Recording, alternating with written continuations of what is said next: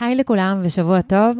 רגע לפני שאנחנו מתחילים את הפרק, אני אספר לכם שמכירת הכרטיסים לאירוע לייב התחילה. אנחנו ניפגש ב-23 לראשון בשעה שמונה וחצי בערב במרכז סוזן דלל בתל אביב.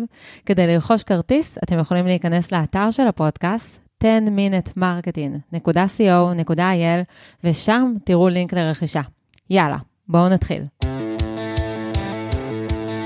עשר דקות על שיווק עם שרון חלבני. פודקאסט שבועי בו תקבלו אסטרטגיות שיווק ושיטות עבודה שיעזרו לכם לנצח במשחק כל פעם מחדש.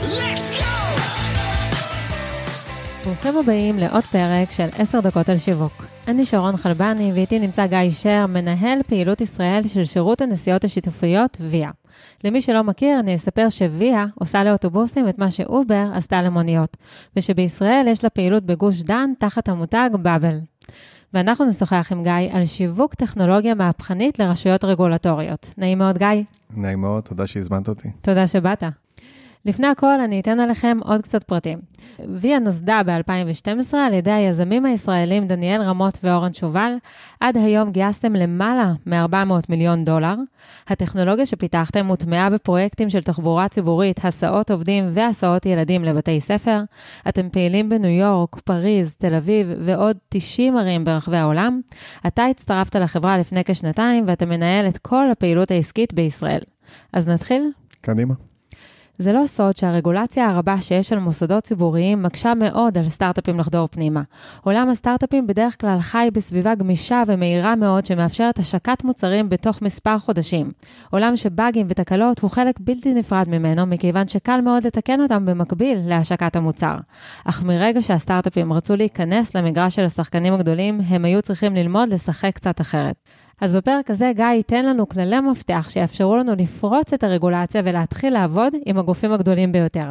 אבל רגע לפני שאנחנו נכנסים לעומק הנושא, מעניין אותי לשאול אותך אם לפני שעובדים עם גופים רגולטוריים, כדאי אולי להתחיל עם השוק הפרטי ולצבור שם את הניסיון. אז השירות הראשון שאנחנו השקנו בוויה היה באמת בשוק הפרטי בניו יורק. אמ, אנחנו יכולים לראות עכשיו בדיעבד שזה מאוד עזר לנו גם אחר כך לשפר את המוצר ולבוא עם גם ניסיון תפעולי מול העיריות. אה, בשנים הראשונות, דניאל ואורן תמיד נוהגים לספר שהם היו מגיעים לעירייה ומציגים את אה, ויה, והתשובה שהם מקבלים הייתה, תודה רבה, אתם עוד סטארט-אפ שהגיע אלינו ומספר שהוא הולך לפתור את בעיות הפקקים, ולא היו חוזרים.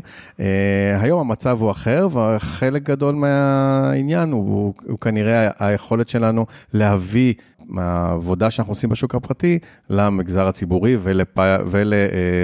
ולפרויקטים אה, מול הרגולטורים ופרטנרים אחרים. אוקיי, okay, אז איך מתחילים לעבוד עם עירייה על פרויקט שהם אפילו, אולי בחלק מהמקומות לא יודעים שהם יכולים לרכוש? בהרבה מקומות והרבה עיריות יש אה, גופי חדשנות או גופים שמתעסקים בתחבורה חכמה ומנסים כן להכניס את הטכנולוגיה לעיר או לאזור. Mm-hmm. אנחנו רואים את זה גם בישראל, אנחנו רואים את זה גם במקומות בעולם, ואנחנו באמת שמים לב ש... הם כן מקשיבים למה שקורה בעולם ובשוק ואיך שהוא מתפתח. בישראל יש למשרד התחבורה גוף חדשנות? נכון, אז הפיילוט הזה של באבל בעצם הוא יוזמה של משרד התחבורה ומשרד האוצר, שיצר את התשתית הזאת לפיילוטים אה, מהסוג שאנחנו משתתפים, ואנחנו מספקים את הטכנולוגיה שלנו לחברת דן שמפעילה את השירות פה בעיר. אה, מערכת יחסים אישית ואפילו חברית בעולמות האלה, יכולה לעזור? היא, היא, היא תמיד עוזרת. אחרת, אבל היא לא תחליף. לבוא עם מוצר טוב ולהבין ובעיקר להקשיב. אני חושב שמערכות יחסים טובות מאפשרות לך להקשיב יותר טוב לצורך, לכאב שאותו רגולטור מדבר עליו, גם אם הוא לא באמת אה, עדיין מכיר את המוצר שלך מספיק טוב, כדי לדעת איך אתה יכול לעזור או איך אתה יכול לפתור. אה, הרבה פעמים אנחנו חושבים אה, שהסחבקיות הישראלית, היא תעזור לנו לפתוח את הדלתות או להישאר בחדר, אה, וזה, וזה נכון, אבל זה בטח לא הדבר העיקרי, ובסופו של דבר, אם אנחנו לא נדע אה, לענות על, על אותו צורך והמוצר שלנו לא יהיה מספיק טוב, גם המערכת היחסים החברותית הזאת לא תעזור לנו. כן, אז לבנות את המערכת היחסים מתוך הקשבה. אוקיי, אז, אז מה בפועל אתם מציעים להם? אז כשאנחנו מגיעים עם, לגוף כזה, ואנחנו בעצם מנסים ביחד איתו ליצור איזשהם פיילוט שיעזור להגדיר את חוקי המשחק. Mm-hmm. הפיילוט הזה בעצם עוזר לרגולטור גם להקטין את הסיכון כשהוא בא ומתנסה בטכנולוגיה חדשה. Mm-hmm. הרבה פעמים זה לא, את יודעת, לא, אנחנו לא המצאנו את הפיילוטים, הרבה פעמים זו יוזמה כמובן של, של אותם משרדים, לבוא ולהגיד, הנה אזור מסוים, הנה טווח זמן מסוים, בדרך כלל זה שנה, בואו תעשו בתחום, בתחום הזה עם תקציב מאוד מוגדר. את הפיילוט. וכך הם יודעים מהו הסכום שהם מסכנים, מהו האזור ש... שאליו הם מתייחסים, mm-hmm. כדי שגם אם הפיילוט לא יצליח, ואף אחד לא עושה פיילוטים מתוך כוונה שהוא ייכשל, כולם עושים פיילוטים כדי שהם יצליחו, אז עדיין אתה מגדיר את הסיכון שלך, okay. מגדר את הסיכון שלך כן. יותר נכון. ובתקופה של הפיילוט, לאיזה דיווח אתם נדרשים? אנחנו נדרשים לכמה סוגים, וכיוון שאנחנו מתעסקים המון בדאטה, אנחנו תמיד מתאימים את עצמנו אה, לכמה סוגים של דיווח. אחד, זה יכול להיות נתונים תפעוליים על השירות עצמו, זאת אומרת, כמה אנשים משתמשים בשירות, אה, מהו מקדם המילוי, כמה אנשים משתמשים בו זמנית בשירות. Mm-hmm. אה, והנושא השני זה כל נושא של סביבות הרצון. אנחנו משתמשים גם בסקרים בתוך האפליקציות ובמערכת שלנו, גם כמובן יש סקרים אובייקטיביים שמשרדי התחבורה או רגולטורים. Mm-hmm.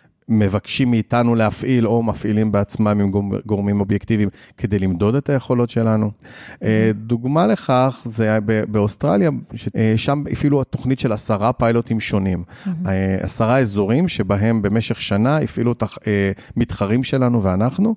אנחנו קיבלנו אפשרות ביחד עם חברת קיוליס דאונר להפעיל שניים מתוך עשרת האזורים האלו, ובסוף השנה ממש פרסמו באופן גורף את כל התוצאות ואת המדדים באופן יחסי בהשוואה לכולם. אה, לשמחתנו, אנחנו זכינו במקום הראשון והשני, הפיילוטים שלנו אה, אה, הורחבו, האזורים הורחבו, חמשת האחרונים סגרו בעצם, סגרו את הפיילוט תמיד לחלק מהמתחרים. וכמה אזורים אתם שם עכשיו? והיום אנחנו כבר בחמישה אזורים שונים באותו ריג'ון, וה... כמובן זה כבר לא פיילוט, זה כבר שירות קבוע, מספר הרכבים גדל, האזור גדל. כן, בגוש דן אתם עדיין תחת ההגדרה של פיילוט? כן, הפיילוט בגוש דן של Bubble התחיל באפריל האחרון, ואנחנו עדיין תחת הפיילוט. מה דעתך על אה, הורדת סף הפחד של אותם הגופים הרגולטוריים על ידי פיילוט במחיר אפסי, או מחיר הפסד? כשזה קורה, זה קורה מתוך איזושהי החלטה או מושכלת שאתה אה, רוצה להיכנס לשוק, או אמיצה שאתה מהמר על, אה, על משהו, וצריך להשקיע בזה מחשבה. Mm-hmm. אנחנו ב, ב, בהרבה מקומות, בטח בשנים האחרונות, נוטים לא לגשת במחירים, כי אנחנו באמת מאמינים שלטכנולוגיה שלנו וליתרונות שיש לנו עם ניסיון תפעולי ועם אה, אה, הרבה ערים שאנחנו פועלים ברחבי העולם, יש לזה באמת יתרון שאפשר למדוד אותו. כן, ובתחילת הדרך, לפני שהתחילו לחזר אחריכם כמו היום. אז לקחנו סיכונים יותר גדולים. אז לקחתם סיכונים יותר גדולים, אוקיי. אה, בואו נדבר קצת על מכרזים. איזה אה, אלמנטים קיימים במכרז ומה הטיפים שלך אה, כדי לזכות במכרז? אז בכל המכרזים, לאו דווקא בתחום שלנו, אבל בוודאי יש אה, אה, מעין בדיקת נאותות. רוצים לראות שאתה, או שהמוצר שלך, אתה והמוצר שלך, או החברה והמוצר שלך, מספיק אה, איתנים פיננסית ותפעולית, כדי שתוכל בעצם לספק את הסחורה, או לספק את השירות שאתה מתחייב לספק, ולא תיתקע באמצע הדרך אחרי שיצאת, mm-hmm. ולשם צריך להגיע מוכן, ולהבין שמה שאתה, שאתה נמדד על זה לא פחות מאשר שאתה נמדד על, על אספקטים נוספים. כן. אה, דבר שני, או נושא שני, זה באמת בדיקת איכות של המוצר שלך, ולשם צריך להביא את הערך המוסף שיש לך על פני המתחרים שאתה מכיר בשוק. יש לך דרך לדעת מי מתחרה מולך על המכרז? אז uh, בהרבה מקרים זה המידע הזה חסוי, ואנחנו רואים אותו רק בדיעבד, או רק כשאנחנו, יש כמה זוכים, אז אנחנו מגלים.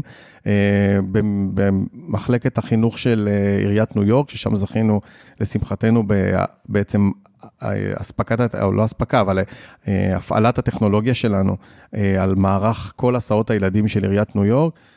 לא ידענו מי המתחרים שלנו, ו... נבדקנו גם על האיכות של, ה, של הפתרון שאנחנו מציעים, אה, וגם כמובן בדיקה כמותית, הצעת המחיר שבגינה אנחנו רוצים לקבל, כן. הכסף שאנחנו אה, רוצים לקבל על השירות שאנחנו כן, מספקים. מערך ההסעות בניו יורק הוא מהגדולים בעולם, לא? כן, הוא הגדול בעולם המערבי, וואו. ואנחנו מדברים על פרויקט שאנחנו מאוד מאוד גאים שאנחנו מתחילים אותו ממש בימים אלו. מדהים. ככה לקראת סיכום, לקראת סיום, מה אסור לעשות מול גופים ממשלתיים? אז, מה יפיל לנו את העסקה?